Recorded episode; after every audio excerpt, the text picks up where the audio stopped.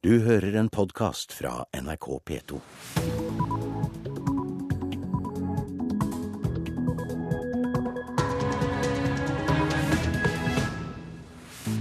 Da er vi kommet til mandag 11. juni, og nå klokka 6.30 har vi disse overskriftene i P2s Nyhetsmorgen.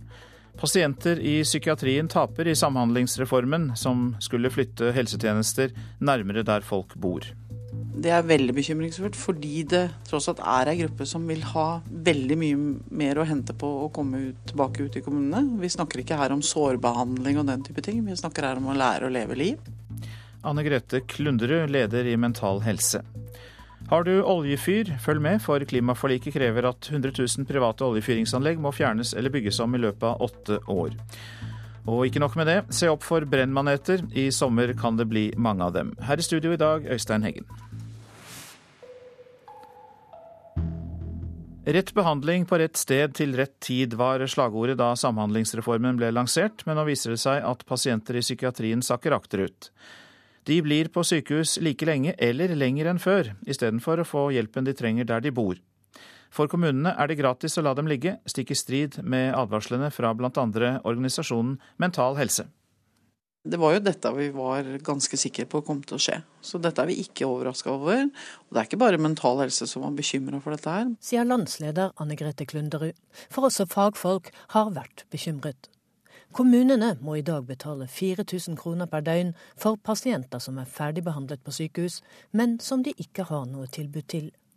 Pasienter med psykiske lidelser derimot er altså gratis. Det er veldig bekymringsfullt, fordi det tross alt er ei gruppe som vil ha veldig mye mer å hente på å komme ut, tilbake ut i kommunene. Vi snakker ikke her om sårbehandling og den type ting, vi snakker her om å lære å leve liv.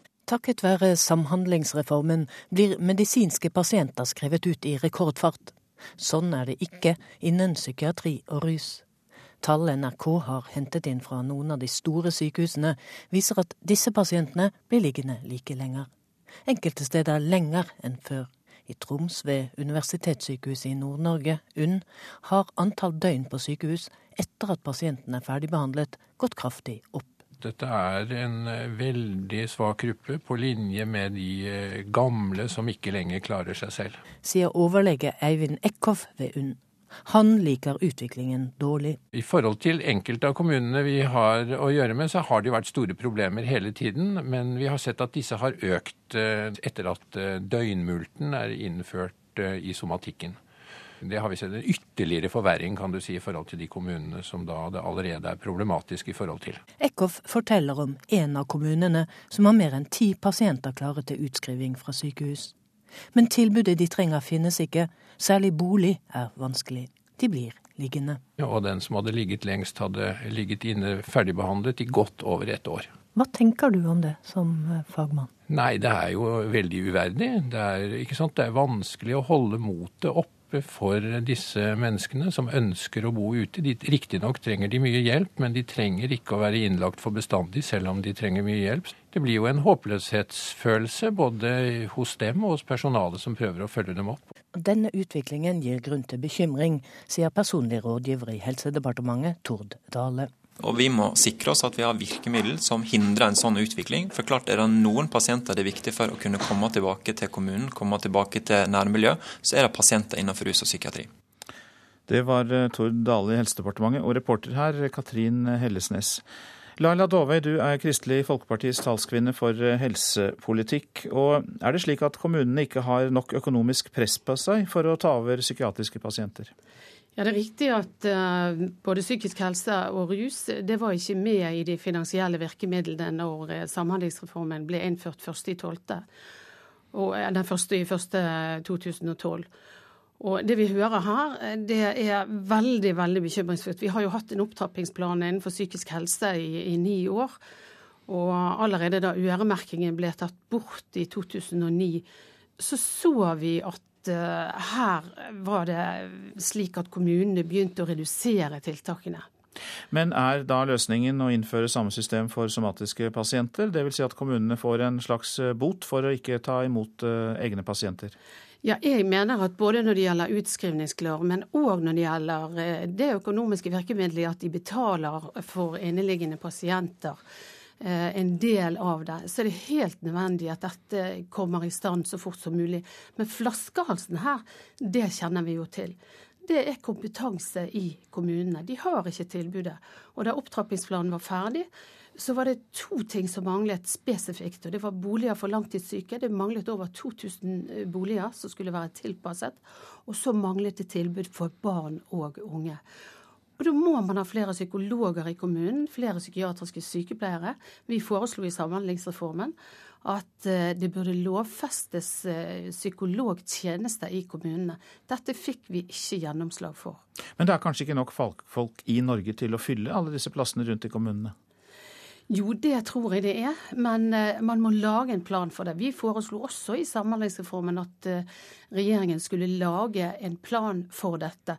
Og så må jeg òg si at Samhandlingsreformen har gått litt for fort på enkelte områder i forhold til det som vi skulle ønske. Vi ville at det skulle være pilotering, altså forsøk, der man gjorde forsøk både med ansvarsdeling, ulike finansielle løsninger Sånn som vi gjorde med fastlegereformen. Den tok ti år med forsøk før vi visste hvordan vi skulle gjøre det over hele landet. Pilotprosjektet, men, men det toget er vel gått. Så hvis du setter, deg, toget... setter deg, i statsrådens stol nå, så hvilke, la oss si konkret, tre konkrete, gi meg tre konkrete tiltak for å rette opp denne situasjonen for de psykiatriske pasientene. Det jeg ville gjort, det var så fort som mulig å bli ferdig med den ansvarsdelingen og oppgavedelingen som var grunnen til at rus og psykisk helse måtte vente. Det andre jeg ville gjort, det var å lage forskrift til den loven vi har, for det går an. Eh, nemlig si at vi må ha flere psykologer, flere psykiatriske sykepleiere. Lage en plan for det. Og så ville jeg laget en plan for hva som egentlig skal gjøres i det kommunale psykiske helsearbeidet. En slags eh, oppskrift på hva ansvaret skal være, og hva arbeidsdelingen skal være mellom de to nivåene våre. Det er helt avgjørende at dette skjer raskt. Men la oss ta det helt overordnede også, Laila Dovey. For er det så sikkert at psykiatriske pasienter tas best hånd om eh, lokalt? Vi trenger både sykehus og vi trenger eh, lokale tjenester. Og det er kanskje noe av det aller viktigste hvis vi tenker på barn og unge. Det, det er jo det at de får tidlig behandling at de blir tidlig diagnostisert. Og det kan mange bli i kommunen dersom man har en psykisk helsevern som virker.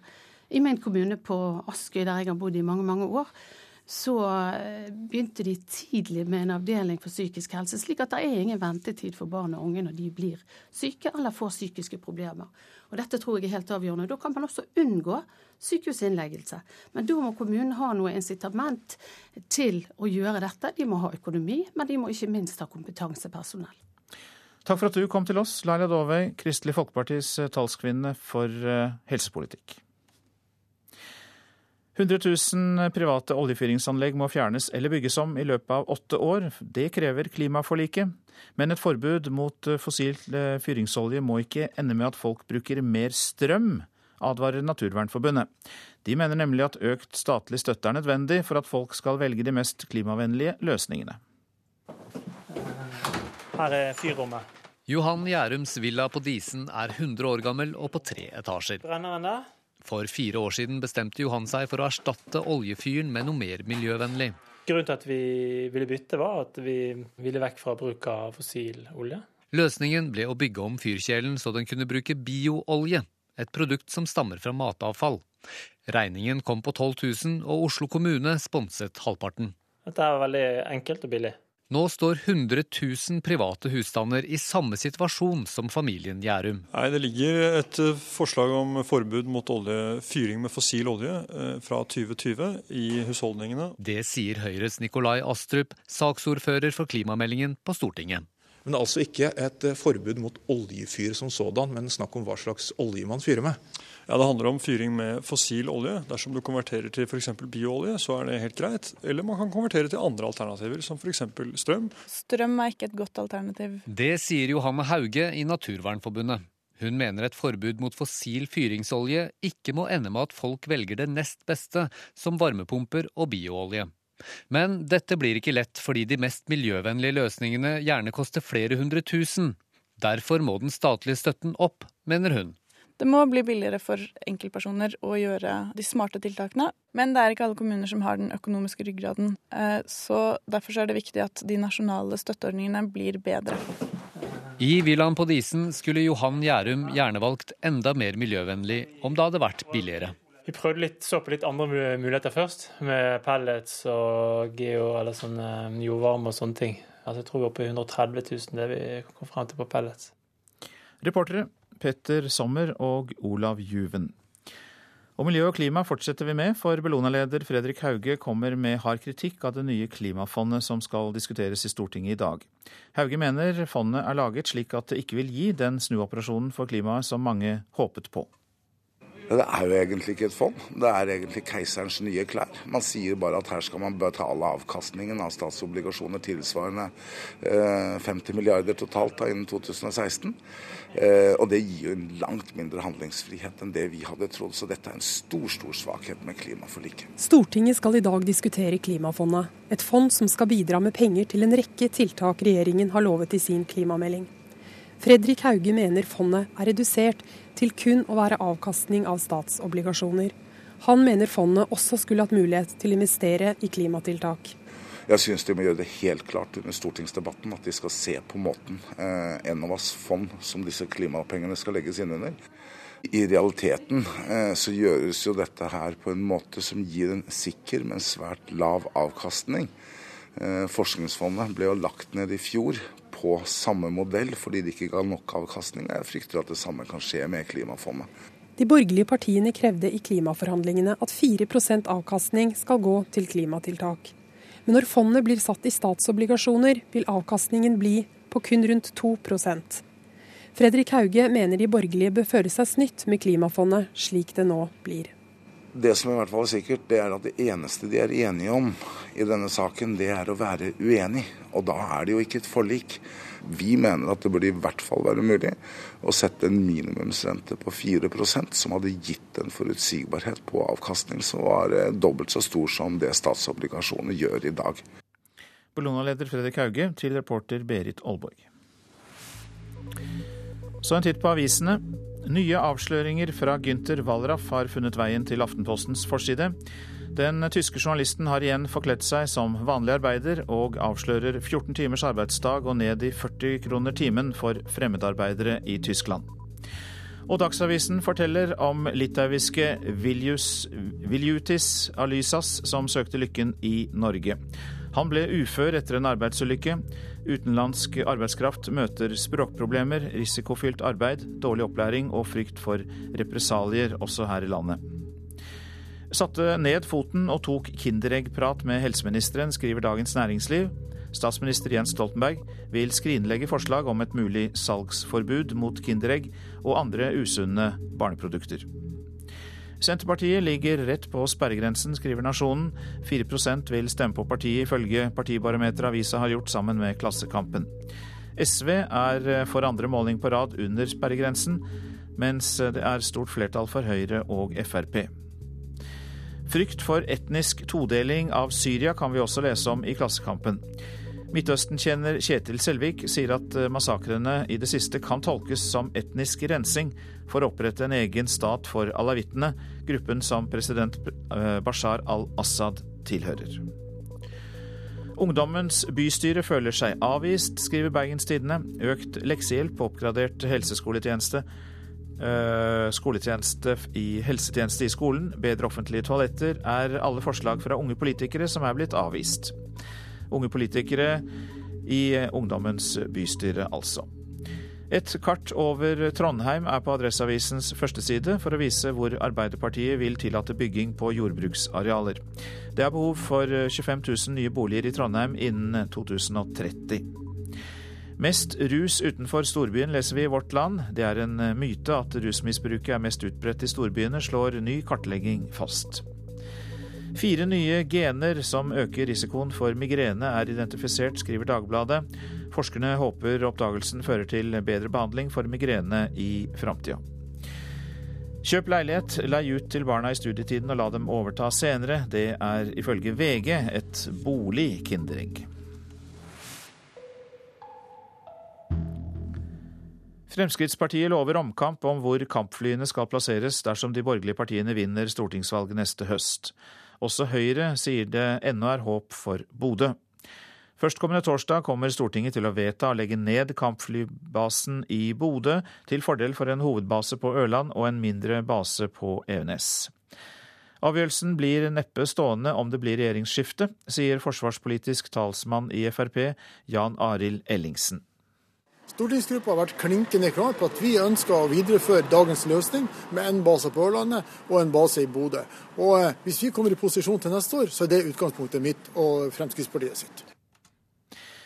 Fylkesmannen er ofte konfliktløs, oftere konfliktløser enn festbrems. Det mener Valgjerd Svarstad Haugland, som er fylkesmann i Oslo og Akershus. For nye tall viser at nesten ingen konfliktsaker havner hos Miljøverndepartementet.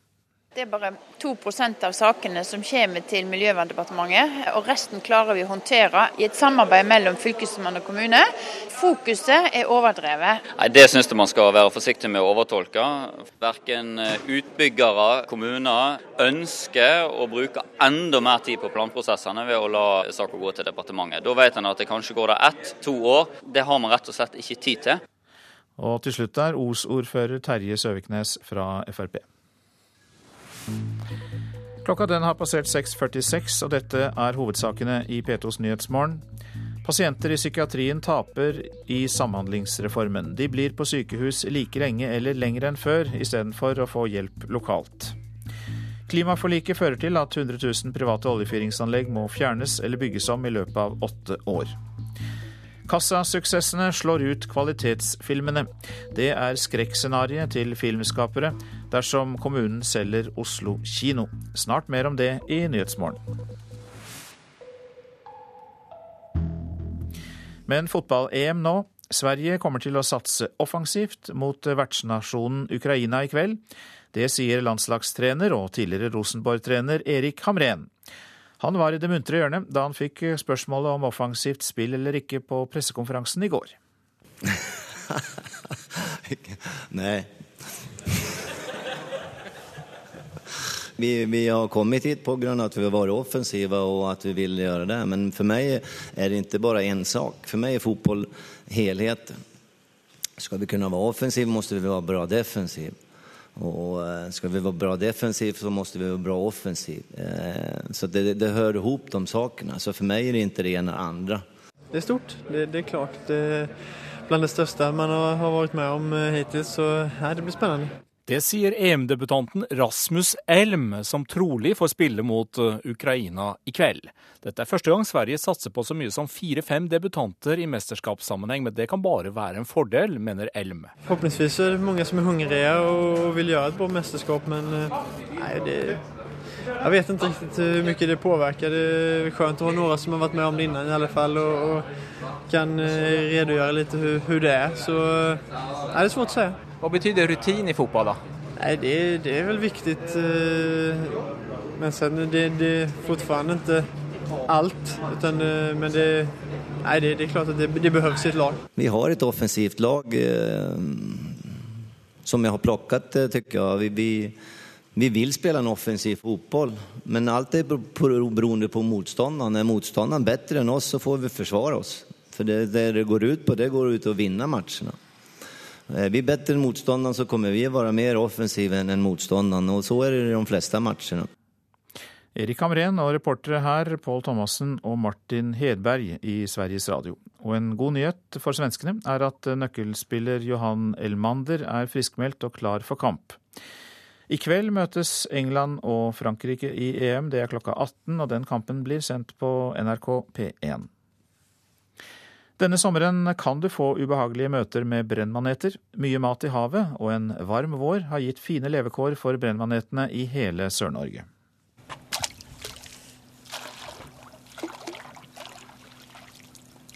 Det her er en brennmanet. Nå kommer jeg å bli brent, men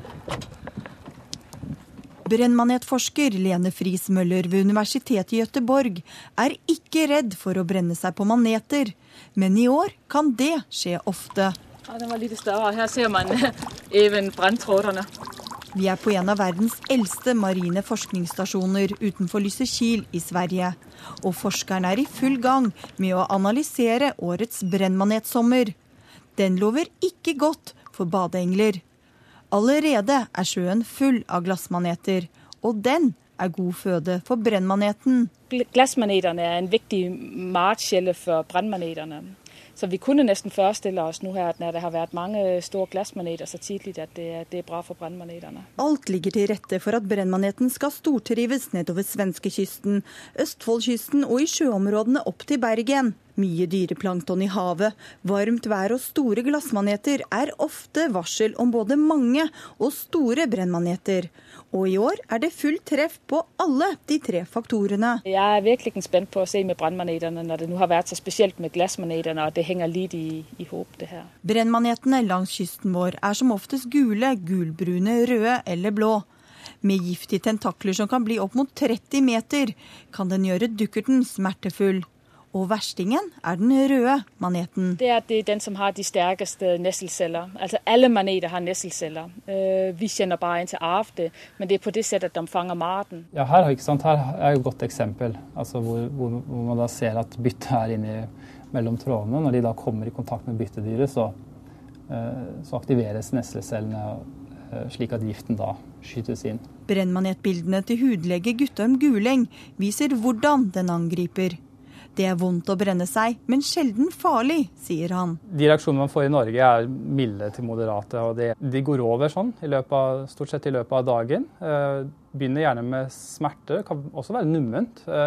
Og etter hvert så kommer kløen, og så går det over i løpet av noen timer. Når, når det gjelder barn, så må man være litt ekstra påpasselig, for de kan jo plutselig få store områder brent. da. Eh, og så er det noen som er allergiske, og de kan også få alvorlige reaksjoner. Er uhellet først ute, har han følgende råd for å dempe smerten. Det viktigste vil være å få bort trådene eh, egentlig så fort som mulig. Eh, og da anbefales egentlig bare sjøvann. Eh, og og Hvis man har en pinsett, så kan man bruke det til å plukke det vekk med. da. Uh, hvis man bare har fingrene, og hvis man har en hanske, så går det også an. da. Reporter Anette Torjussen. Det er en skandale hvis Oslo kino blir solgt. Det mener regissør Sara Johnsen. Hun er en av flere norske filmskapere som frykter at salget av Oslo kino vil føre til at kinoene dropper de smale filmene, til fordel for de store kommersielle kassasuksessene. Denne uken blir det avgjort om det blir salg eller ei hvis det er en aktør som kun kjøper Oslo-kinoene for å tjene penger, så vil de ha nøyaktig samme mål, nemlig å tjene penger. Og du, du vet jo, Alle skjønner hvilke filmer som er nokså Da satser man på komedie, man satser på brede filmer som man tenker at ikke har noe kontroversielt innhold, ikke kan være noe som helst kompliserte, som er som popkornfilmer, og veldig mye for ungdommer, som er de meste som går på, på kino. ikke sant? Så satser man, Det er liksom som pizza Grandiosa. Det er ikke den beste pizzaen, men den er enkel, den kan vi lage, den kjøper folk. Og Hvis du får den tankegangen opp på kultur, så, så bare ødelegger du kulturen. Det man går glipp av de kunstnerisk vågale filmene. Det sier Sverre Pedersen fra Norsk Filmforbund. På vegne av norske regissører, manusforfattere, skuespillere og andre filmarbeidere frykter han en rasering av det norske filmtilbudet om Oslo kommune selger Norges største kinoselskap, Oslo Kino AS. Både Olav Thon-gruppen og den svenske kinogiganten SF er interesserte i å kjøpe kinoen. Onsdag blir det klart om kommunen legger selskapet ut for salg. Vi har verdens beste kinosystem i Norge, som har eksistert i bortimot 100 år.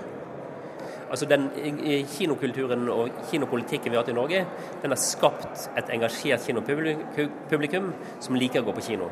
Vårt tilbud står ikke noe tilbake for det tilbudet som er i Oslo. Det sier sjef for SF Kino i Norge, Ivar Halstedt. Han sier at det norske publikummet ikke har noe å frykte. Og Bredden i antall titler det kommer an på hvor mange saler du har å vise film i. Derfor bygger vi ut våre kinoer, slik at de har størst mulig bredde. I Bergen har kunstnere og filmskapere også vært bekymret for at en privatisering av kinoen vil føre til et dårligere tilbud. Byråd for kultur i Oslo kommune, Halstein Bjerke, håper at Oslo kino blir solgt, og mener at verken filmskapere eller publikummet har noe å være redde for. Nei, jeg mener mangfoldet og filmtilbudet i Oslo blir bedre eh, dersom man finner en riktig eier for Oslo kino i fremtiden. Jeg syns det er en skandale hvis det skjer, rett og slett. Til slutt der regissør Sara Johnsen, reporter Eirin Venås Sivertsen. Debatt om dette i Kulturnytt klokka 8.05. Pater Arnfinn Haram døde i går, 63 år gammel. Haram døde av hjerteinfarkt under en sykkeltur i Nordmarka i Oslo, skriver Vårt Land. Haram var ferdigutdannet prest eh, i 1979 og jobbet som prest til 1996. To år senere konverterte han til Den katolske kirke, og siden høsten 2009 var han leder for Dominikanernes kloster i Oslo. Hedda-prisen ble delt ut på Det Norske Teater i Oslo i går. Vertskapet mottok fire av i alt ni Hedda-statuetter. Nei, Det er jo kjempegøy. Vi er veldig stolte. Det var jo tre forskjellige forestillinger som fikk priser. Cezanne og Elektra og Abrahamsbarn. Så det var strålende. Årets forestilling, som blir sett på som den mest høythengende prisen, gikk til Abrahams barn. Forestillingen handler om jødedom, islam og kristendom, og har gått for fulle hus ved Det Norske Teater. Svein Tindberg står alene på scenen i stykket. Det er jo helt utrolig å få anerkjennelse akkurat for dette. Og jeg syns også det er viktig stoff. Det syns jeg jo. Jeg syns det er veldig viktig stoff. Og publikumstilstrømminga viser jo at jeg ikke er alene om å synes det, og det er fantastisk. Forestillingen skulle egentlig gå på scene tre, men ble flyttet til hovedscenen da teatersjefen endret det planlagte programmet etter 22.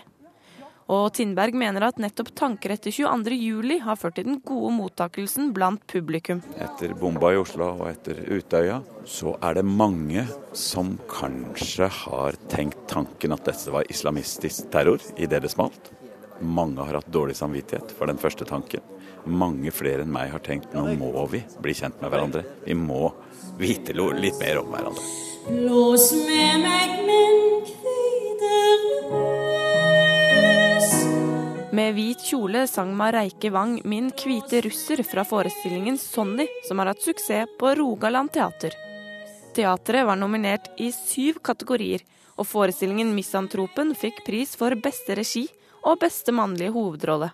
Prisen får han for sin intelligente tilnærming til en krevende tekst som attpåtil er i alexandriner. Mattis Herman Nyquist gir også æren for suksessen til de andre som har vært med på å forme stykket. Nei, det, men det skal sies. Jeg, jeg, jeg, har jo en slags Jeg må jo ha en selvtillit. Det har jeg. Men det er jo veldig hardt arbeid. Men det er ikke nødvendigvis prisgitt at jeg nødvendigvis er i slaget. Det er veldig mange faktorer som spiller inn. Altså man må jobbe med en regissør som har noe stort på gang, og, og med medspillere som også vil det samme. Det er kun med det sammen at at jeg eller hvem det måtte være som spiller med meg, kan bli noe gode, tenker jeg. Og teaterkritiker og skribent Ida Lo Larsen fikk æresprisen. Reporter var Kristine Amdam.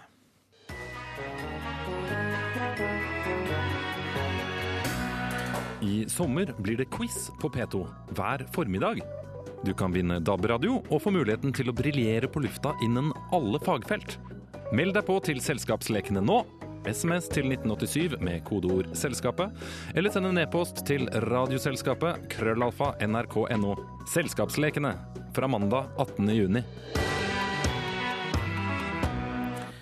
Og Spørsmålet om hva som kommer nå er enkelt, nemlig værvarselet. Fjellet i Sør-Norge perioder med sol, men også lokale regnbyger, mest i sør og øst. Østlandet og Telemark perioder med sol, men mulighet for lokale regnbyger, særlig i indre strøk. Kan hende også torden der. Agder vest for Lindesnes nordvestlig opp i liten kuling. Til dels pent vær i Agder, men mulighet for spredte regnbyger i indre strøk. Rogaland pent vær, men muligheter for enkelte lokale ettermiddagsbyger i indre strøk. Fra i ettermiddag perioder med liten kuling på kysten i sør. Hordaland og Sogn og Fjordane på kysten nord for Feie opp i nordlig stiv kuling. Ved Stad nordøstlig stiv kuling. Enkelte lokale ettermiddagsbyger i indre strøk. Ellers pent vær. Møre og Romsdal og Trøndelag liten kuling på kysten av Sunnmøre. I Trøndelag mulighet for enkelte regnbyger, men ellers opphold i dette området. Nordland enkelte regnbyger, perioder med sol. Troms og Vest-Finnmark med vidda. Fra i ettermiddag østlig liten kuling nær Nordkapp. Regn av og til. I kveld stort sett opphold i Troms. Øst-Finnmark litt regn i fjordstrøkene, ellers opphold. Nordensjøland på Spitsbergen skiftende bris og oppholdsvær. Så tar vi temperaturene som ble målt klokka fem i natt. Svalbard lufthavn pluss to, Kirkenes fem, Vardø også fem. Alta sju, Tromsø og Bodø begge åtte. Brønnøysund sju grader, Trondheim åtte. Vi har ikke fått inn data fra Molde. Men Bergen og Stavanger hadde begge ni grader. Kristiansand elleve. Gardermoen ti grader, Lillehammer elleve. Røros fire grader og Oslo-Blindern også elleve grader klokka fem i dag. Du lytter altså til eh, P2s eh, Nyhetsmorgen, og etter klokka sju så skal vi bl.a. få høre om barbidop, som mange bruker for å bli brune i huden. Du hører en podkast fra NRK P2.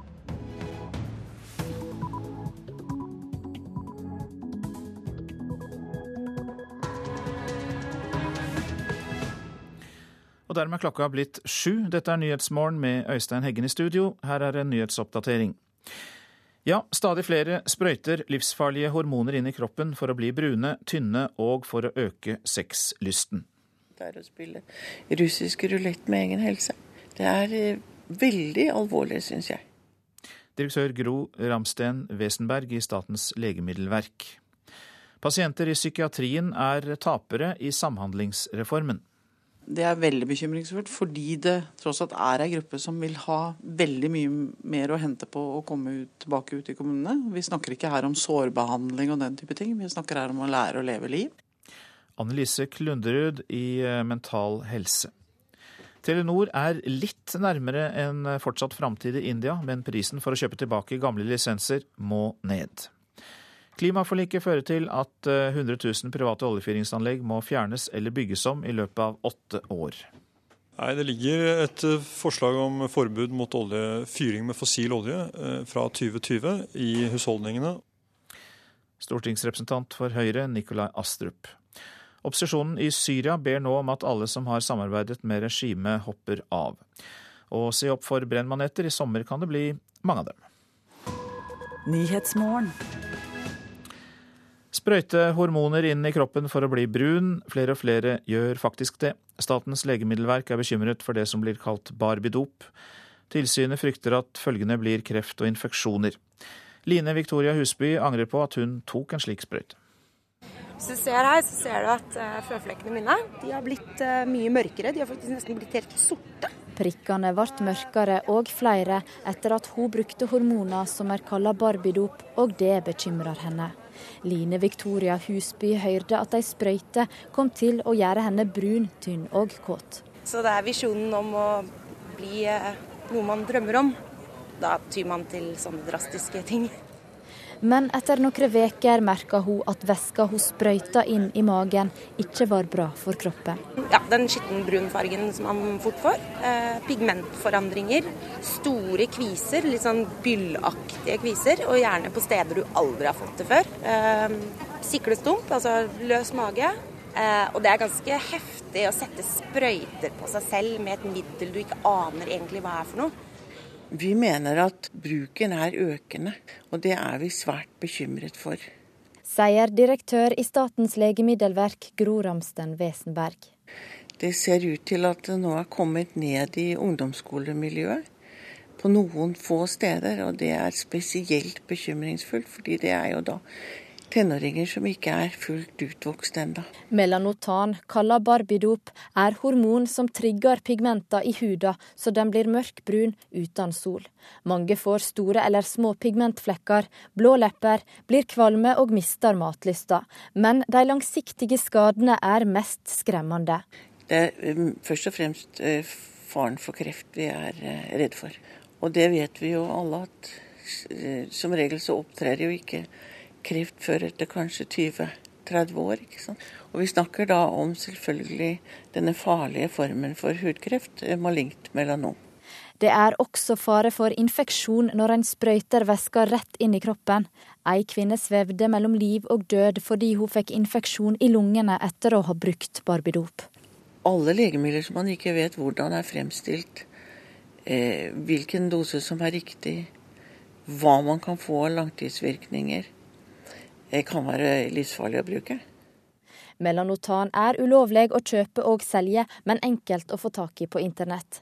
Det finnes ikke tall på hvor mange som bruker det, men ifølge Apotekforeninga går om lag 10 000 sprøyter i året til folk som bruker barbidop. Jeg mener at det er å spille russisk rulett med egen helse. Det, det er veldig alvorlig, syns jeg. Er du redd for å få seinvirkninger virkninger sånn som kreft, som mange frykter at den kan få? Selvfølgelig. Du vet jo ikke om 20 år, så vet du jo ikke hvordan eh, det stoffet kommer til å utvikle seg i kroppen. Det ligger jo i kroppen ennå. Det er jo et eller annet du har rørt ved, liksom, så du blir jo kanskje ikke kvitt det. Og det var eh, Eirin Årdal som hadde laget denne reportasjen for oss i Nyhetsmorgen. Motredaktør i eh, magasinet Cosmopolitan, Elisa Røtterud, velkommen til deg. Ja, er det så trendy å være mørkebrun hele året at man må tilføre seg kunstige stimuli?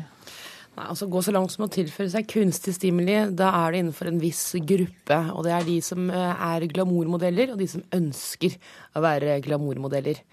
Så dette her er skjer altså innenfor en liten nisje av mennesker, også tenåringer, som vi nå nettopp hørte. Det er jo sikkert få som er glamourmodeller, men det jo, kan jo være ganske mange som ønsker, ønsker. å være det.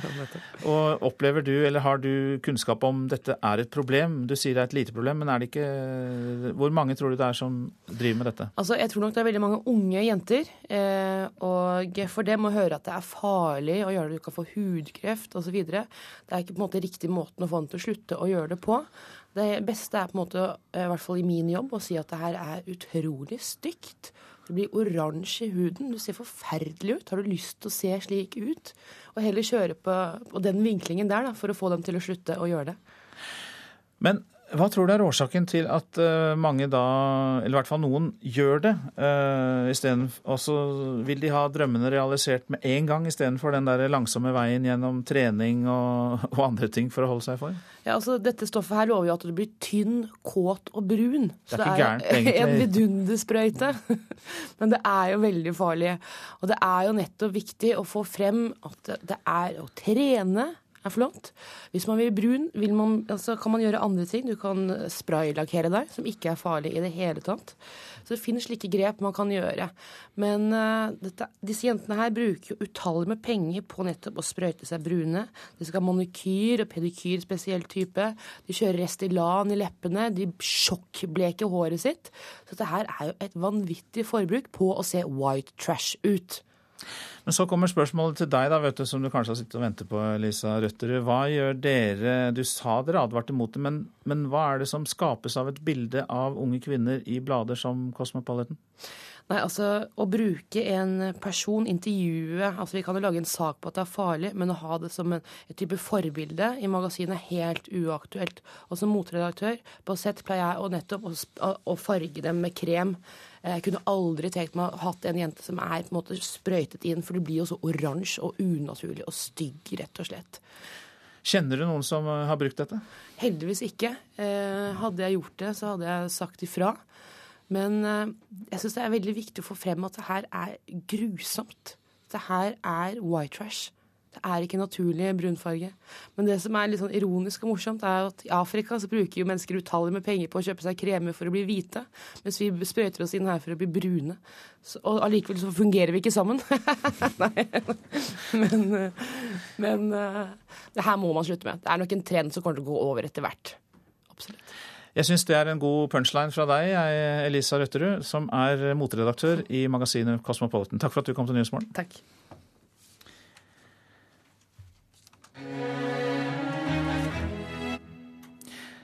Så en brå overgang til Oslo tingrett og det som skal skje der i dag. Seks fagfolk skal vitne. De har alle hatt kontakt med Anders Behring Breivik i fengselet. Ingen av disse har funnet tegn til psykose hos terrortiltalte, og kommentator Magnus Takvam, eh, hva tror du kan bli det viktigste de kan fortelle retten? Det viktigste ved deres forklaring er jo det faktum at de faktisk observerte Breivik eh, i praksis døgnet rundt i tre ukers, eh, en treukersperiode i februar-mars. Og at den observasjonen i seg selv er så viktig og kan gi mer enn bare det å sitte og intervjue han i noen timer. At eh, på den måten så får det selvfølgelig en tyngde når de kan eh, rapportere fra en slik observasjonsperiode. Kan man da trekke den konklusjonen at retten trolig vil legge ganske mye vekt på det teamet fra Ila kom med? Det er en av mange brikker i dette puslespillet om psykiatri. Det har jo vært framme at en svakhet ved denne observasjonen, som i seg selv er gunstig, som jeg, som jeg var inne på, er avstanden i tid til handlingene. Og det er nok en del som vil hevde at Breivik har hatt en viss mulighet til å tilpasse seg på en del punkter, fordi han på dette tidspunktet jo var klar over hva den første psykiatrirapporten inneholdt.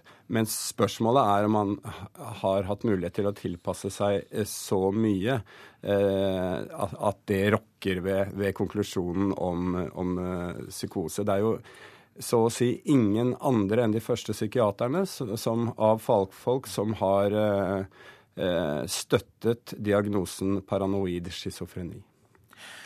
Men så var det også slik at eh, før helgen så fikk vi inn enda et nytt begrep, eh, nemlig Aspergers syndrom, som flere psykiatere har ment at Breivik kanskje har. og Kan dette teamet fra Ila tilføre noe i den sammenhengen? Vel, de har ikke rapportert om Asperger-lignende funn, symptomer, hos Breivik, slik at Eh, det som er tolket fra det de har rapportert, eh, tyder på at de mener det ikke er, eh, er tilfellet. Fordi han har hatt såpass mange andre egenskaper og evne til å planlegge, være fleksibel osv. at det stemmer lite med deres syn på Asperger. Men her er, som du sier, mange fagfolk inne på det samme. Resten av uka blir også preget av sakkyndig vitnemål. Hva for øvrig tror du blir viktig? Det er klart at det aller mest eh, interessante er jo når Husby og Sørheim, de to utskjelte psykiaterne, eh, for første gang skal eh, forklare sine funn på en grundig måte. Vi har jo hatt en debatt der de har vært fullstendig fraværende. Og det er klart at det de selv eventuelt endrer av, oppfatning, det de rapporterer om det de har sett i retten, eh, det de svarer på, de kontroversielle punktene som de selv har, har kommet med, vil eh, være veldig viktig å, å, for, for konklusjonen til slutt som retten tar. Takk skal du ha, NRK-kommentator Magnus Takvam. Nå til Telenor og India, for selskapet har fått innfridd to av kravene de stilte for at de skal eh, forsøke å kjøpe tilbake mobillisensene som de mistet. Men prisen er fortsatt for høy. Det sier Asia-direktør i Telenor, Sigve Brekke. Han har kort tid på seg til å overbevise indiske myndigheter om å kutte startprisen på auksjonen av eh, mobillisenser. Den blå og hvite konsernlogoen er malt på stolper, plakater og småbutikker på tvers av storbyer over hele India. I kampen for en fortsatt fremtid i India har Telenor vunnet to små seire. Det var veldig viktig for oss at uh, mer uh, frekvenser ble lagt ut i auksjon. Og det har også vært viktig for oss at uh, ikke utrullingskravene ble sånn som det opprinnelig var foreslått. Så det er positivt, men det er også et stykke igjen. For at Sigve Brekke og Telenor skal forsøke å kjøpe tilbake mobillisensene indisk høyesterett inndro pga. korrupsjon, må startprisen på auksjonen ned. Den foreslåtte prisen er nå 19 milliarder kroner for hele India, mens Telenor har signalisert at de kan være med å by hvis startprisen ligger på rundt 4 milliarder kroner. Jeg føler det at myndighetene har, har, lyttet på både oss som nykommer, eh, men også eh, industrien generelt. Eh, og Jo lenger oppover i beslutningssystemet det her blir, jo mer overordna hensyn blir ivaretatt. Og når, når regjeringsunderutvalget behandler de sakene her, så føler jeg at de tar de overordna hensynene som, som er for oss og for resten av industrien. Den 22. juni er det ventet at de endelige rammene for auksjonen blir kjent. Sigve Brekke tror innenrikspolitiske vurderinger til slutt kan bli avgjørende. 2G-svindelen som korrupsjonsskandalen er blitt hetende i India, har vært en stor belastning for Indias skjøre koalisjonsregjering. Jeg tror faktisk vi er ganske avgjørende på to områder. Det ene er eh, at utenlandske investorer og investorer generelt Eh, ser hva slags investeringsrammeverk og hva slags regulatoriske rammeverk eh, som indiske myndigheter legger til forhold til. Og Det andre er jo at dette er viktig for svært mange eh, millioner, hundrevis av millioner indere. Det er for, fortsatt ganske lav eh, mobiltetthet i India. Og det er veldig mange som eh, venter og håper på at de også skal kunne få en mobiltelefon for første gang. Så politisk sett så er nok det også en viktig innenrikspolitisk sak som politikerne må ta hensyn til. Reporter her, Philip Lote. Du lytter til Nyhetsmorgen, og klokka den går mot kvart over sju. Dette er eh, hovedsakene. Stadig flere tar hormoner for å bli brune og tynne. Kan være kreftfarlig, advarer Legemiddelverket. Pasienter i psykiatrien taper i Samhandlingsreformen. De blir på sykehus like lenge eller lenger enn før, istedenfor å få hjelp lokalt. Og eh, ganske straks skal vi høre at opposisjonen i Syria ber eh, alle som har samarbeidet med regimet om å hoppe av. Og den uttalelsen eh, kommer fra Abdel Baset Saida, som er nyvalgt leder for den største opposisjonsgruppen i Syria.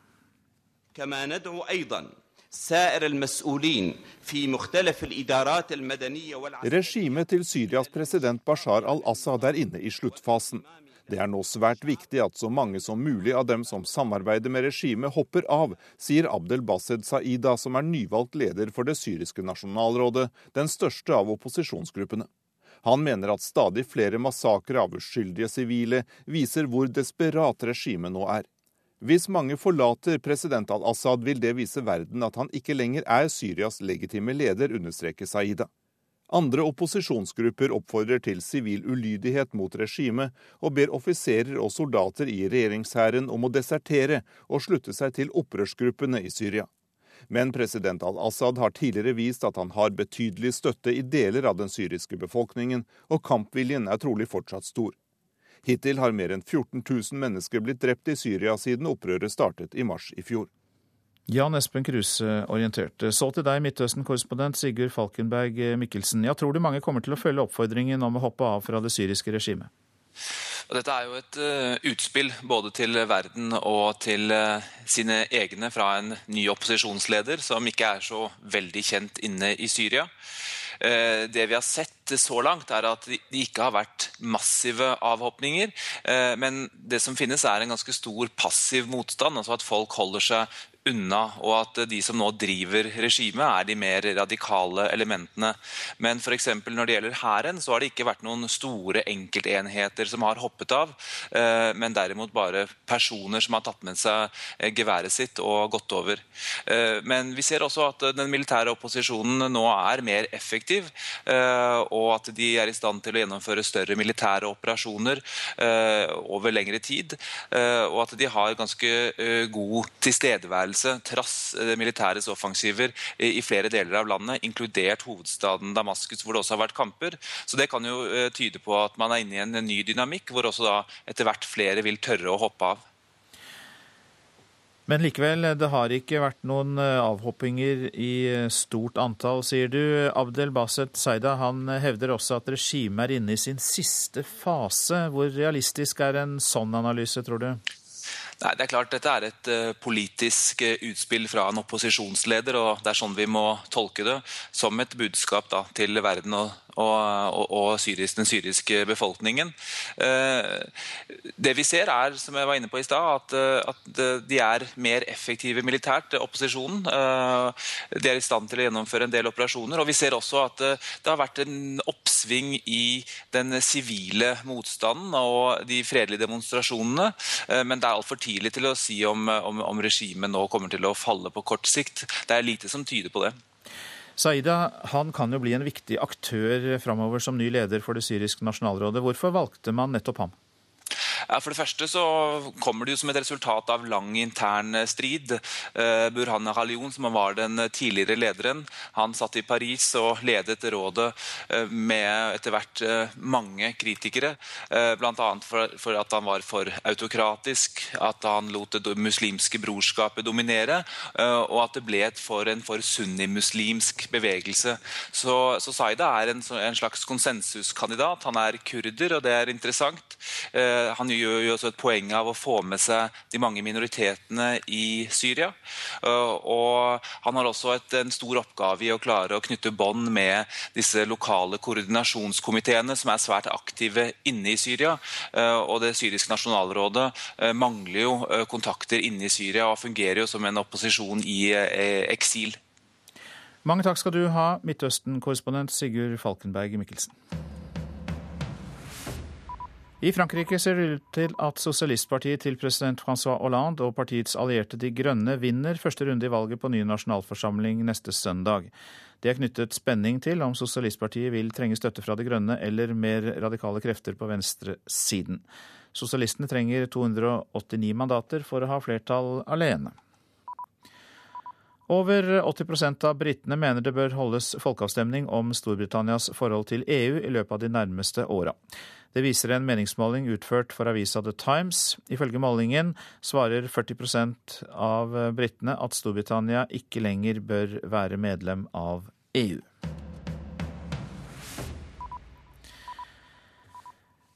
Hvert år er det noe som gjentar seg det at statsministre fra alle fem nordiske land møtes for å diskutere nordiske, europeiske og internasjonale spørsmål. I år i Lofoten og Tromsø. Og de skal ha møter om bord på Hurtigruta. Og på agendaen står bl.a. nordområdene, nordisk samarbeid og den økonomiske krisen i Europa. Intet mindre.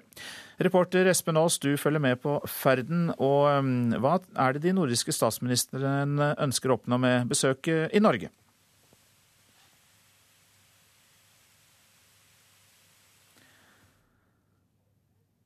Der var det foreløpig stille fra Espen Aas. Kanskje han er med oss nå? Han var ikke det. Vi lar det ligge litt i bero, og der er Espen Aas kommet. Hallo? Ja, der er du. Ja. Der fikk Eh. Det er sikkert litt interessante mobilforhold her vi eh, er nå, men vi forsøker. Ja, nå har vi testet ut mobilforholdene til og fra Hurtigruta. Da kan vi spørre deg om eh, hva nordiske statsministre ønsker å oppnå med dette besøket i Norge. Det er jo to møtepunkter som de nordiske statsministrene har hvert eneste år. Det er eh, den formelle delen som heter Nordisk råd, og så som er eh, med mørke dresser og, og nye eh, rådgivere til stede. Og så er det det informelle møtet, eller uformelle som vi kanskje sier på norsk, eh, som da er statsministermøtet eh, statsministermøte hvor de er på besøk hos eh, hverandre på eh, litt mer eh, uvanlige stedene. Og i år så valgte de altså å starte møtet sitt eh, i Å i Lofoten og ta Hurtigruta da eh, opp så langt så har det ikke rukket å få så mange eh, ordentlige møtepunkter. De skal ha eh, første møtepunkt her klokken eh, ti i dag. Og De mener vel eh, da fortsatt at eh, de nordiske statsministrene har såpass mange felles eh, referansepunkter at det er eh, viktig å, å få samle seg. Det er litt eh, grøtete mobillyd på deg, Espen Aas, men vi prøver et spørsmål til. Eh, Er det noen eh, spesiell grunn til at Norge har ønsket å ta med seg statsministrene nordover? Er det en baktanke? Det kan du si. Det har i hvert fall begeistret veldig særlig den danske statsministeren Helle Thorning-Schmidt. Kunne jo nesten ikke slutte å fortelle om hvor vakkert hun syntes Norge og fjordene her var. Ikke minst da vi var innom Trollfjorden sent i, i går kveld. Eh, Men som sagt, de ønsker å vise eh, sine kolleger andre eh, steder enn de normalt sett ser. Ofte er det hovedstedene som de er på besøk i. På de uformelle statsministermøtene så forsøker de da å vise helt andre sider av eget land. Og det er klart at det finnes jo verre steder å skulle besøke enn kystlinjen da fra helt sør i Lofoten og veien opp til Tromsø. Har du inntrykk av at de står på god fot eh, med hverandre, statsministrene? Altså, de er jo veldig forskjellige, det er jo ikke tvil om det. Um, både politisk uh, ståsted, selvfølgelig, selv om hovedvekten nok uh, ligger nærmere Jens Stoltenberg enn den konservative Reinfeldt. Men det er en veldig god tone dem imellom, ingen tvil om det. Det så ut som de syntes det var godt å møtes. Det var jo en litt spesiell dag eh, å møtes på da i, i går, bare dagen etter det store eh, milliardlånet som eh, eurolandene ble enige om å gi eh, til Spania. Og den finske statsministeren, som er den eneste medlemmet i eh, eurosonen, syns jo at eh, det var mye som måtte snakkes om da han møtte oss i pressen. Mange takk for at du kom med på telefonen likevel, reporter Espen Aas, som følger statsministrene på ferden. Så skal vi se litt på avisene. Nye avsløringer fra Gynter Wallraff har funnet veien til Aftenpostens forside. Den tyske journalisten har igjen forkledd seg som vanlig arbeider, og avslører 14 timers arbeidsdag og ned i 40 kroner timen for fremmedarbeidere i Tyskland. Og Dagsavisen forteller om litauiske Vilutis Alysas, som søker lykken i Norge. Men han ble ufør etter en arbeidsulykke. Utenlandsk arbeidskraft møter språkproblemer, risikofylt arbeid, dårlig opplæring og frykt for represalier, også her i landet. Satte ned foten og tok Kinderegg-prat med helseministeren, skriver Dagens Næringsliv. Statsminister Jens Stoltenberg vil skrinlegge forslag om et mulig salgsforbud mot Kinderegg og andre usunne barneprodukter.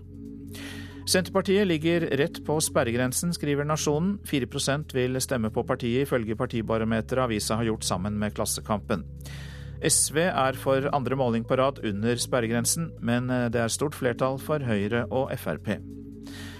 Frykt for etnisk todeling av Syria kan vi også lese om i Klassekampen. Midtøsten-kjenner Kjetil Selvik sier at massakrene i det siste kan tolkes som etnisk rensing for å opprette en egen stat for alawittene, gruppen som president Bashar al-Assad tilhører. Ungdommens bystyre føler seg avvist, skriver Bergens Tidende. Økt leksehjelp, bedre skolehelsetjeneste og bedre offentlige toaletter er alle forslag fra unge politikere som er blitt avvist av bystyret i Bergen. Et kart over Trondheim er på Adresseavisens førsteside for å vise hvor Arbeiderpartiet vil tillate bygging av på jordbruksarealer. Det er behov for 25 000 nye boliger i Trondheim innen 2030.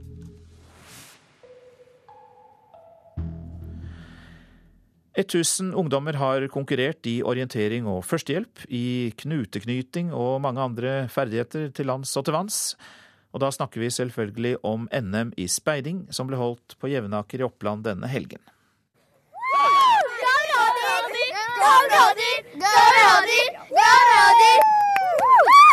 Så glade blir fem jenter fra rådyrpatruljen i første løten når de får poengene etter konkurranse i knuter. Jeg håper på det blir en trompetstikk, men jeg tror ikke det blir det. De fleste knutene var helt riktig utført, og jentene fikk topp score på samarbeid og utførelse. Ikke rart at patruljefører Ingeborg Holen var blid. Jeg er veldig fornøyd med alle sammen. Vi har klart å samarbeide godt. Og ja, alt i alt er jeg veldig fornøyd. Blir dere norgesmestere, eller? Jeg håper på det, da. Men så gikk det helt skeis i oppgaven som gjaldt matlaging.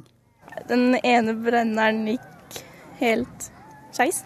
Og så sørte vi ut halve maten, og så ville de ikke steke. Så det, der ble det ikke mye poeng? Nei. Det ble ikke kokte poteter heller. Spiste dere rå poteter, dere da? Eh, halvveis. Ja. Desserten var god, da. Glade. Vi varma, eller vi smelta sjokolade, og så tok vi det over frukt som vi hadde skåret opp i biter. Det gikk fort bort. Et lite stykke unna der Ingeborg, Silje Marie, Julia, Marte og Eileen knytta knuter og stikk, skulle gutta i Beverpatruljen fra Gjøvik teste båtvett og linekasting. Dere kan dele dere, slik at uh, dere to som skal padle, dere blir igjen her. Resten av patruljen, dere beveger dere rundt det der målet og går opp for å begynne på teori og livlinekast. Er det greit? Ja. Akkurat nå så skal jeg padle fort, og så skal jeg komme og hjelpe de andre. Du har 15 minutter på å padle. Du trenger ikke padle fort. Her legges hovedvekten på sikkerhet og padleteknikk. Ja. Det er det du skal konkurrere i.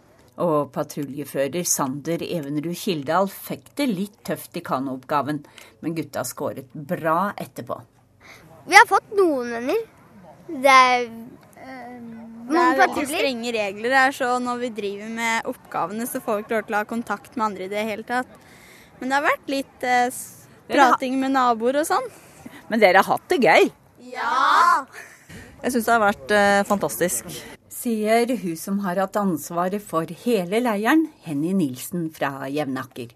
Tilbakemeldingen er eh, et utrolig bra NM. Vi har masse fornøyde speidere. Selvfølgelig noen misfornøyde ledere, men sånn er det alltid. Eh, det har vært smil fra morgen til kveld. Folk som satt i vannkanten, fantastiske Randsfjorden, idylliske omgivelser og, og bare Jeg bare blir varm i hjertet og bare tårer i øynene, for dette er bare kjempebra. Ja, Da sa til slutt en fornøyd leirsjef Henny Nilsen. Og vi kan legge til at det var patrulje Falk fra første Skaugom som ble norgesmestere, mens patrulje Bever fra første Løten tok andreplass. Reporter Anne Marie Vattum. Etter Dagsnytt om illegale afrikanske innvandrere som skaper spenninger i det israelske samfunnet. Det blir debatt om streikene denne våren i Politisk kvarter. Prosent for Nyhetsmorgen, Eli Bjelland. Her i studio, Øystein Heggen. Og Anne Skårseth gjør seg klar med Dagsnytt.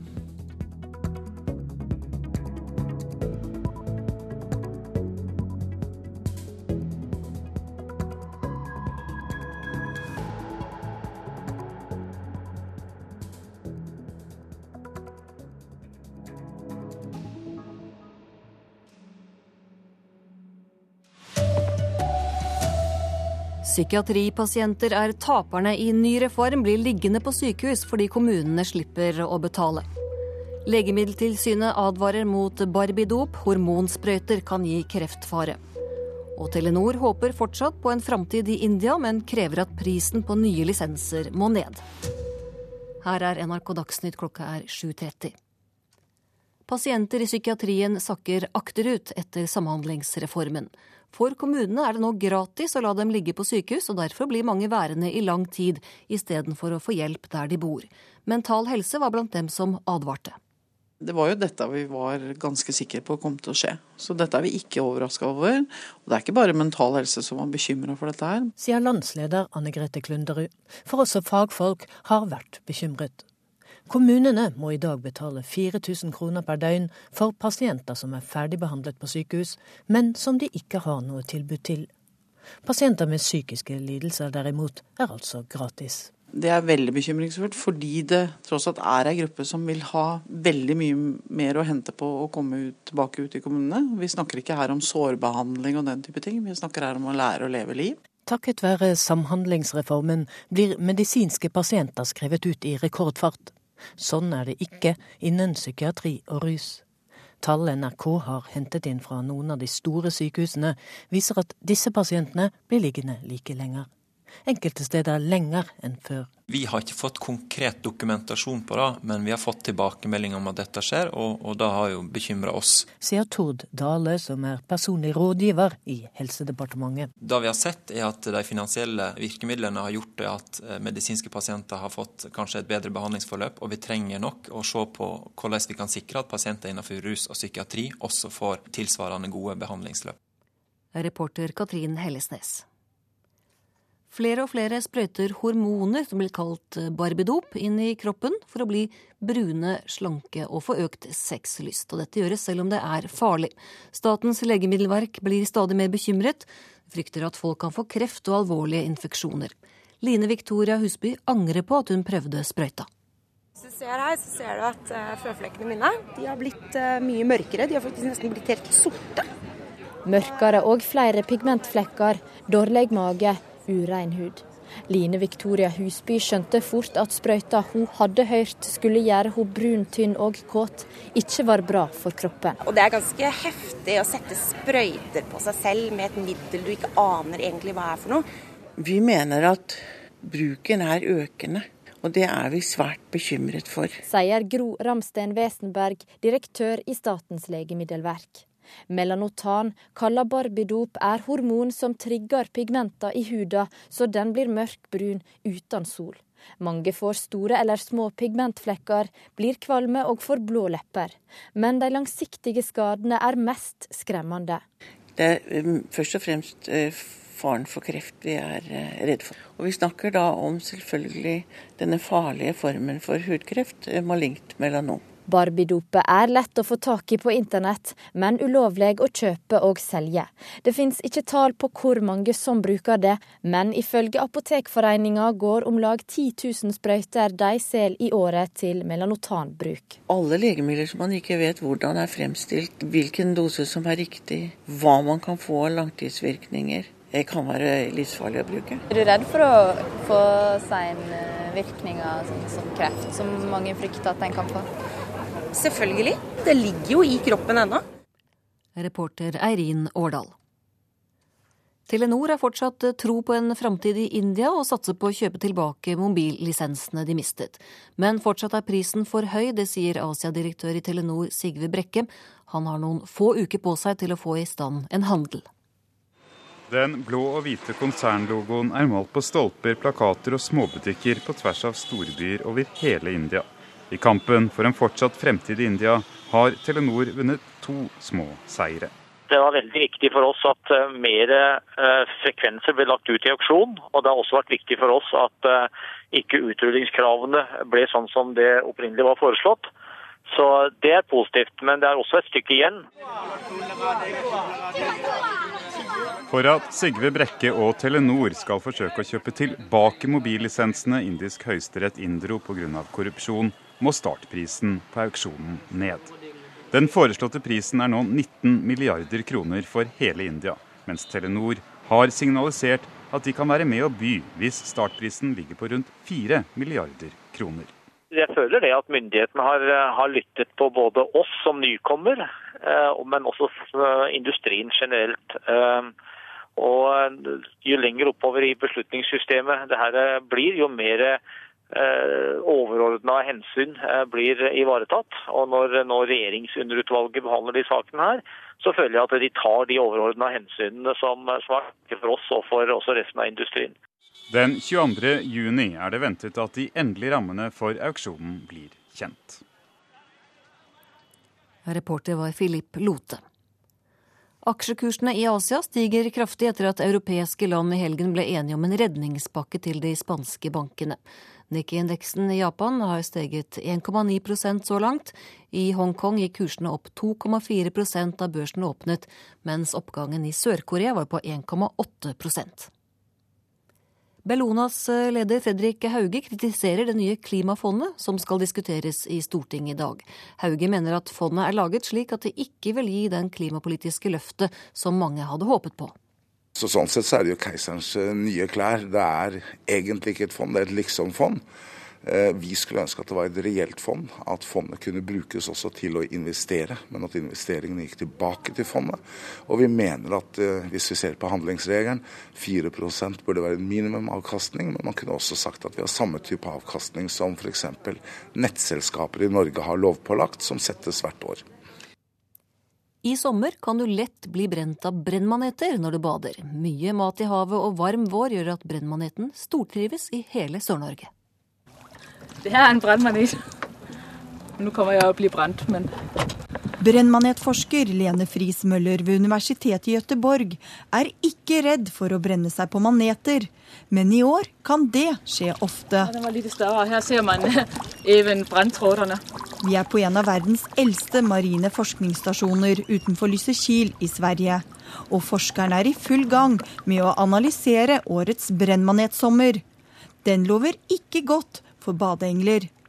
Allerede er sjøen full av glassmaneter og den er god føde for brennmaneten. Glassmanetene er en viktig matkjelde for brennmanetene. Så vi kunne nesten forestille oss nå her at når det har vært mange store glassmaneter så tidlig, at det, det er bra for brennmanetene. Alt ligger til rette for at brennmaneten skal stortrives nedover svenskekysten, Østfoldkysten og i sjøområdene opp til Bergen. Mye dyreplankton i havet, varmt vær og store glassmaneter er ofte varsel om både mange og store brennmaneter. Og i år er det full treff på alle de tre faktorene. Hudlege Guttorm Guleng viser hvordan den angriper. Det er vondt å brenne seg, men sjelden farlig, sier han. Det viktigste vil være å få bort trådene eh, egentlig så fort som mulig. Eh, og Da anbefales egentlig bare sjøvann. Eh, og, og, Hvis man har en pinsett, så kan man bruke det til å plukke det vekk med. da. Eh, hvis man bare har fingrene og hvis man har en hanske, så går det også an. da. Reporter her, det var Anette Torjussen. Da skal det dreie seg om fotball-EM. Sverige kommer til å satse hardt mot vertsnasjonen Ukraina i kveld. Det sier landslagstrener Erik Hamren. Den tidligere Rosenborg-sjefen var i det muntre hjørnet på pressekonferansen i går kveld. Nei. Vi, vi, har kommet hit pga. at vi har vært offensive og at vi vil gjøre det. Men for meg er det ikke bare én sak. For meg er fotball helheten. Skal vi kunne være offensiv, må vi være bra defensiv. Og eh, skal vi være bra defensiv, så må vi være bra offensiv. Så det, det hører ihop de sakene. Så for meg er det ikke det eller andre. Det er stort. Det, det er klart. Det er blant det største man har, vært med om eh, hittil, så ja, det blir spennende. Det sier EM-debutanten Rasmus Elm, som trolig får spille mot uh, Ukraina i kveld. Dette er første gang Sverige satser på så mye som fire-fem debutanter i mesterskapssammenheng, men det kan bare være en fordel, mener Elm. Forhåpentligvis er det mange som er hungrige og vil gjøre et bra mesterskap. Vi vil spille en offensiv fotball, men alt er beroende på motstanderen. Er motstanderen bedre enn oss, så får vi forsvare oss. For det, det det går ut på, det går ut å vinne matchene. Og Sverige møter altså Ukraina i kveld. Reporter var Pål Thomassen. Ansvarlig for sendingen har vært Eirik Ramberg, teknisk ansvarlig Hanne Lunås og her i studio Anne Skårseth.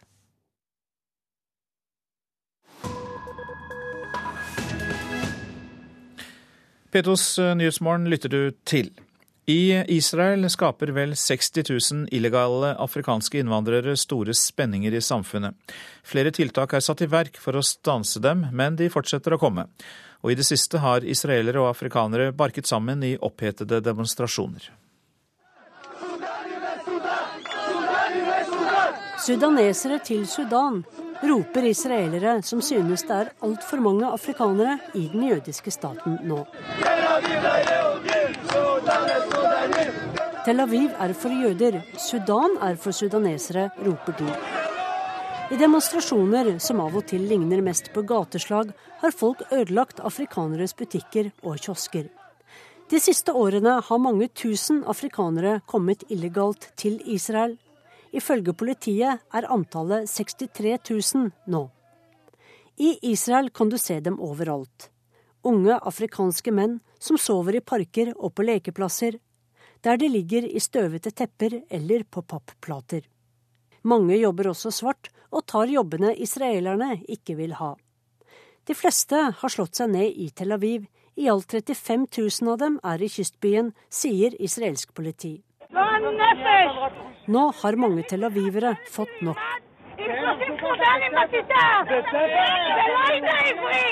Skal min sønn gå på skolen med 30 sudanesere i klassen, roper denne damen under en av de mange demonstrasjonene mot immigrantene. De må dra hjem, er hennes mening.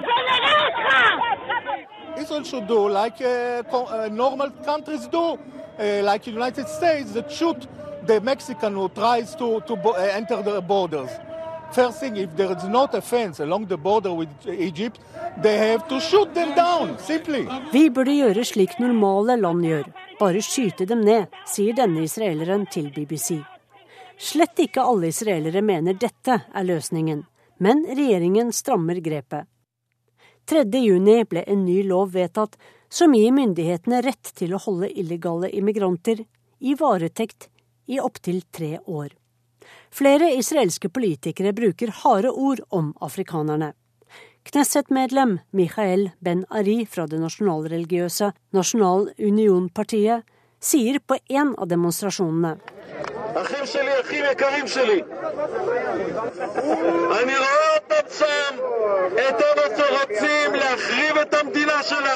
Jeg ser dem der, de som vil ødelegge staten vår. Men det skal de ikke få gjøre. De må ut fra landet.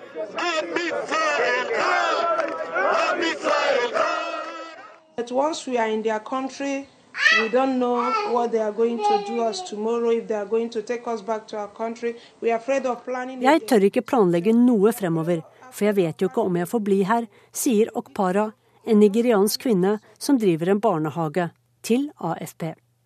When I brought my kids here, I used to say that one day they will be in a, uh, Israeli you know, army. Jeg håpet at sønnen min skulle tjenestegjøre i den israelske hæren. Men nå vet jeg ingenting lenger, sier Simon Mayer til BBC.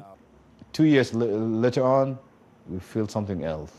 Den kristne sørsudaneren var stolt av å bo i Israel i begynnelsen, men ikke nå lenger, sier han.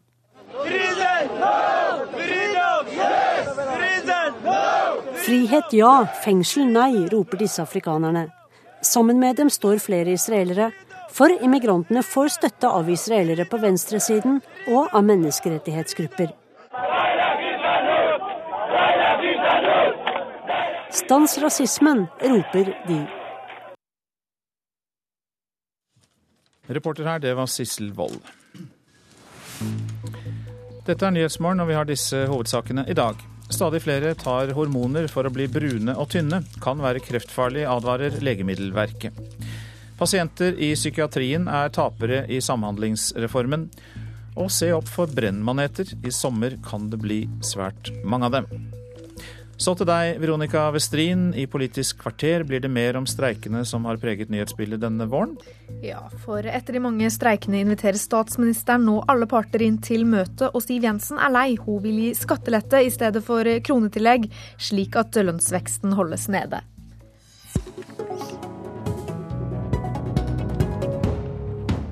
Vel møtt til Politisk kvarter. Streik har preget nyhetsbildet denne våren, og nå er alle de store avblåst. Sist ut vekterstreiken like før helgen. Og statsminister Jens Stoltenberg, du er med oss på telefonen. Er du lei alle streikene? Jeg er jo, eh, som alle andre mennesker, eh, opptatt av at vi prøver å unngå streik. Men jeg tror ikke jeg skal bruke ordet lei av streik, fordi streik er en del av vårt demokratiske system for fri eh, lønnsdannelse der eh, uavhengige parter forhandler, og da vil det noen ganger bli streik.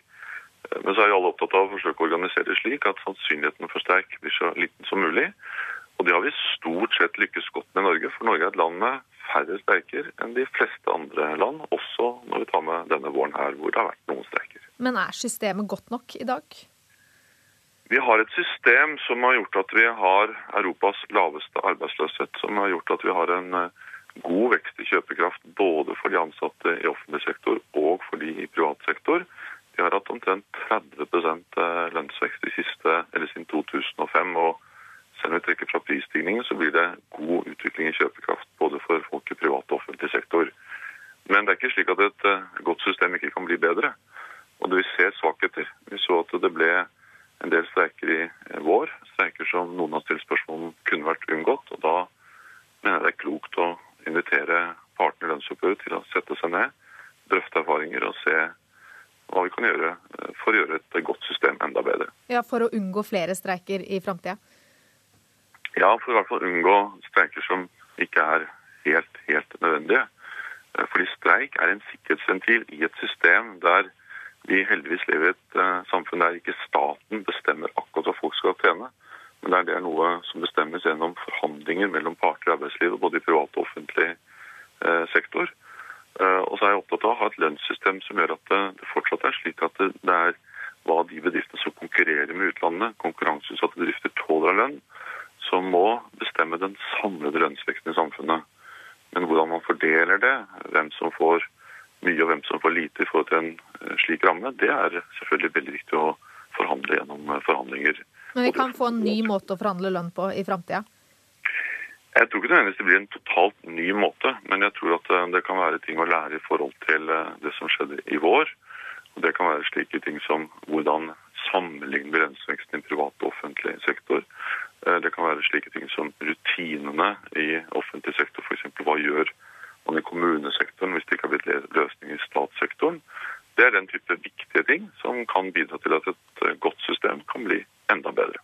Takk til deg, statsminister Jens Stoltenberg. Siv Jensen, du er lei, du vil gi skattelette i stedet for kronetillegg, slik at lønnsveksten holdes nede.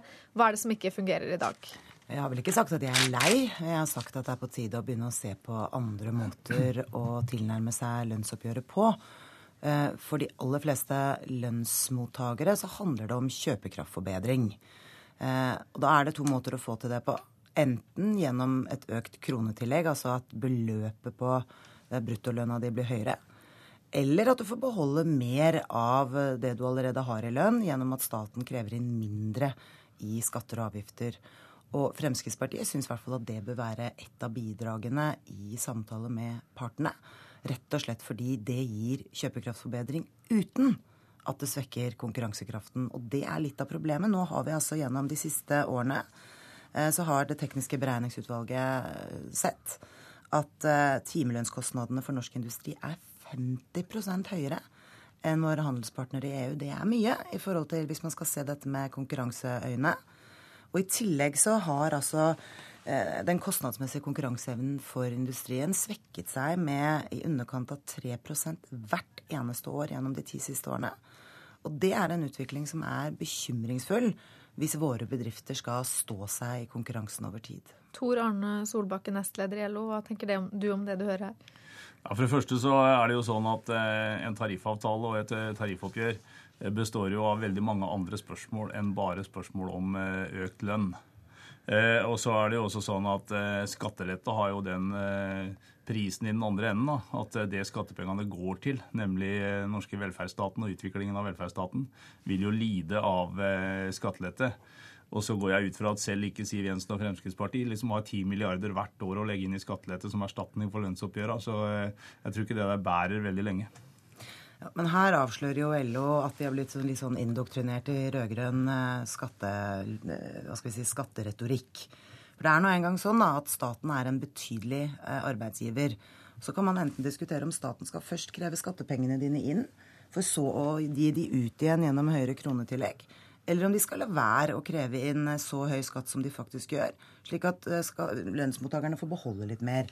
Det er jo altså, det er summen av de pengene staten har i kassa, som går til, å, til, alle de formålene vi betaler for i vårt samfunn, også velferd. Men det er jo ikke sånn at hvis du lar være å ta inn skattekroner, så går det utover eldreomsorgen. Men hvis du gir høye kronetillegg, så går det ikke utover eh, eldreomsorgen. Her har LOs argumenter mange logiske brister, og jeg syns dere kan tilnærme dere dette på et litt annet vilkår enn bare å være mot skattelette. Kan ikke dette bedre kjøpekraften, blant annet? Nei, altså hvis du eh, sier at du skal ha fem lønnsoppgjør av fem år, på fem år så skal altså Siv Jensen bruke 50 milliarder kroner i skattelette i stedet for, uh, i stedet for kronetillegg i, i lønnsoppgjøra. Det regnestykket går jo ikke opp. Og så er det da i tillegg det poenget at en tariffavtale er veldig mye mer enn uh, bare lønn. Så det forslaget om å bruke skattelette som det eneste middelet i forhold til kjøpekraftsutvikling, det er nok Fremskrittspartiet ganske isolert på, det jeg er overbevist om. Men jeg har ikke sagt at det skal være det eneste virkemidlet. Ja, hva er det du tenker deg? At det kan være ett av flere virkemidler for å gjøre lønnsoppgjøret mer fleksibelt og for å dempe eh, lønnsveksten per, altså kronekostnaden. Fordi det svekker eh, konkurransekraften. Og så er det jo sånn da, at om staten bruker, eller si, lar være å kreve inn 10 milliarder kroner i skatter, eller om den bruker 10 milliarder på å kompensere for lønnsoppgjøret, så er det to sider av samme sak for statskassen. Eh, men det er ikke to sider av samme sak for bedriftenes konkurransekraft. Fordi det handler om at jo mer vi tjener i relativt sett i forhold til handelspartnerne våre ute, jo vanskeligere blir det for våre bedrifter å stå seg i konkurransen. Og da kan det verste fall konsekvensen bli at bedriftene i Norge går konkurs. Da betyr det færre arbeidsplasser over tid. Da betyr det høyere arbeidsledighet over tid. Så jeg syns i hvert fall at LO bør ha en litt mer konstruktiv tone i å gå inn og diskutere det. Jeg syns statsministerens utspill er veldig bra. At han nå vil ha partene sammen for å se på om det går an å tenke seg en annen måte å forhandle lønn på i fremtiden. Det syns jeg vi bør diskutere med et åpent sinn uten å skyte ned ethvert forslag før det er gjennomtenkt. Det er jo ikke sånn at det, det høres ut på Siv Jensen som det er staten som betaler alle lønnstilleggene i, i, Norge, og det er det jo ikke. Og det er I forhold til eh, konkurranseevnen så er det klart at det, der har vi da den modellen for lønnsfastsettelsen i Norge at det er konkurranseutsatt industri som eh, forhandler først, og som legger et nivå for lønnstillegga som de mener at konkurranseutsatt industri bærer. Arve Bakke i Fellesforbundet, Stein Lier Hansen i Norsk Industri, de la et nivå på oppgjøret i år som de mener at norsk industri er i stand til å bære i konkurranse med utlandet. Og det er da en mal for hva som kommer eh, etterpå. Og så tror jeg man drar eh, Jens Stoltenbergs utspill veldig langt hvis man i det sier at det er en invitasjon til å diskutere om skattelette skal være en del av lønnsoppgjøra. Det er jeg ganske sikker på at Jens Stoltenberg vil distansere seg fra en sånn fortolkning. Ja, Det hørte ikke heller jeg si. Nei, det er jeg helt enig i. Jeg har ikke hørt han si det. Men det jeg hører han si, som jeg gir han ros for, det er at han vil ha en åpen debatt med partene om hvordan vi kan gjøre eh, forhandlingene om lønn bedre. Da antar jeg at man må diskutere andre virkemidler enn de som i dag er i bruk. Og da er vårt ene innspill, Fremskrittspartiets ene innspill, det er at man bør se på hvordan man kan få timelønnskostnadene ned gjennom skatte- og avgiftsreduksjoner. Fordi det er ikke til å komme unna at det gir bedre kjøpekraftsforbedring for lønnsmottakerne uten at bedriftene må betale ut mer i lønn. Hvilke forbedringer ser du for deg, Solbakken? Nei, Vi er eh, innstilt på selvfølgelig å ta imot den eh, invitasjonen. Og det er eh, åpenbart at noen av de konfliktene som vi hadde innenfor offentlig sektor i år, baserer seg på at eh, Eller kom fordi noe gikk galt, som Jan Davidsen sa. Det er, det er absolutt grunn til å se på forholdet mellom statsoppgjøret, og kommuneoppgjør og disse tingene her sånn. Uten at vi har eh, konkludert på det enda, så må vi nok ha en en bedre koordinering og et bedre samspill med det. Og så er denne vekterstreiken dratt fram i media.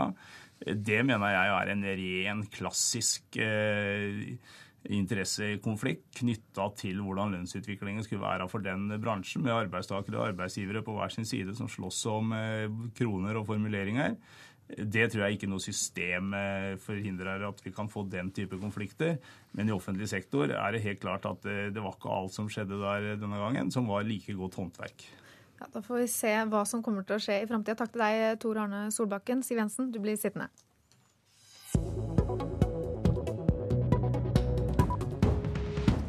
Klimaskeptikeren Fred Goldberg anbefaler Fremskrittspartiet å gå til valg på et tydelig budskap om at det ikke finnes menneskeskapte klimaendringer. Fredag møtte han partiet for fjerde gang for å holde foredrag om at menneskene ikke påvirker klimaet. Det oppfatter han at også er Fremskrittspartiets syn på saken. Jeg har printet det ut her, men jeg kan si at jeg har skickat på mail til deg. Den omstridte klimaskeptikeren Fred Goldberg leter fram lesestoff fra kofferten sin. Og så har du her 'Hvorfor fusker klimatforskerne'? Mens partiene på Stortinget gjorde ferdig innstillingen om klimameldingen på fredag, holdt Goldberg foredrag for Fremskrittspartiets stortingsgruppe. Selv ser han på Frp som sin meningsfelle i kampen mot troen på menneskeskapte klimaendringer, som det eneste partiet i Skandinavia. Fremskrittspartiet er det enda partiet som har gått ut og, og gått imot oppfatningen om at menneskene påvirker klimatet med hjelp av koldioksidutslipp. Og det er jo helt korrekt. Det finnes ikke et enda vitenskapelig bevis på at menneskene påvirker klimatet. Det er bare hypoteser og modeller som påstår det. Og det budskapet er det mange i Fremskrittspartiet som er enige i, mener han å kunne si etter fire besøk hos ulike deler av partiet. Ja, de fleste virker, jeg forstår, tro på at det er som jeg sier. Og de, jeg bekrefter deres tanker. Nettopp Fremskrittspartiets holdning til menneskeskapte klimaendringer var en av grunnene til at partiet ble holdt utenfor forhandlingene om klimaforliket i forrige uke. Partiet blir også anklaget for å tale med flere tunger i spørsmålet som Fred Goldberg snakket til dem om. Foredraget fredag framkalte nikking hos flere av de frammøtte, deriblant partiets klimapolitiske talsperson Per-Willy Amundsen. Det er svært interessant eh, og svært viktig at eh, alternative røster får komme til eh, i en klimadebatt i Norge som er særdeles ensretta og faktisk i realiteten ikke gjenspeiler de reelle debattene som foregår i verden omkring oss i forhold til klimaendring og såkalte menneskeskapt eh, global oppvarming. En Goldberg ikke fikk låne øre til, var Fremskrittspartiets parlamentariske nestleder og forrige klimapolitiske talsperson Ketil Solvik-Olsen, som ikke kom på foredraget denne gangen. I Politisk kvarter tidligere på dagen ble han spurt om han var enig med den kjente klimaskeptikeren. Jeg mener at vi skal ta dette problemet på alvor, og jeg er derfor uenig i en del av det som Goldberg eh, sier. Det er alltid nyanser i et parti. Sier Per-Willy Amundsen, som understreker at de lytter til folk fra alle leire. Og sier partiet som sådan står samlet om at en del klimatiltak er fornuftige, ikke minst av andre årsaker enn å minske utslippene. Utover det har klimatalsmannen også sterke personlige meninger på feltet. Nei, altså, Mine personlige meninger er, er at eh, jeg oppfatter helt klart at man har en tendens til å overdrive den menneskeskapte dimensjonen i det hele. Eh, og, og, Fremskrittspartiet er også veldig klar på at eh, det kan være eh, ting som tyder på at eh, det skjer. Og jeg regner meg selv også som en klimaskeptiker. Men nå burde hele Frp spisse budskapet, mener Fred Goldberg, som tror det vil skaffe dem flere velgere i stortingsvalget neste år. Ja, jeg skulle anbefale dem å være tydeligere med å påstå at menneskene påvirker ikke klimaet. Så jeg jag tror at det, det, er rett, rent vetenskapligt korrekt og jeg tror at det er politisk taktisk fordelaktig å gjøre det. Du hørte hva han anbefalte dere. Kommer dere til å gjøre det? Eh, altså, Jeg oppfatter vel at vi hele tida har gjort det. Altså Ikke det at vi sier at vi, vi, vi har ikke sagt at vi tror ikke på menneskeskapte klimaendringer, men vi sier vi stiller spørsmålstegn eh, rundt, eh, rundt den ensrettinga som har funnet sted eh, på klimafeltet. Reporter Sigrid Sollund. Eh, Siv Jensen, vil du spisse budskapet deres? Det var en feil i denne reportasjen, nemlig at Fremskrittspartiet ble holdt utenfor forhandlingene pga. vår såkalte skepsis. Det er feil. Vi ble holdt utenfor disse forhandlingene fordi Arbeiderpartiet trengte en fiende inn i valgkampen. Men, Men forlik, forliket som ble inngått, har altså opp i seg flere av de innspillene Fremskrittspartiet spilte inn. Så det er jo ganske paradoksalt da, at Men, Fremskrittspartiet måtte hjelpe SV til å få frem en bedre klimaavtale. kort til slutt, er, er, er disse klimaendringene menneskeskapte eller ikke? Fremskrittspartiet er nå i en programprosess. Vi lytter til Fred Goldberg, vi lytter til Bellona, vi lytter til alle som har synspunkter i dette. Så trekker vi vår konklusjon en gang i løpet av dette året.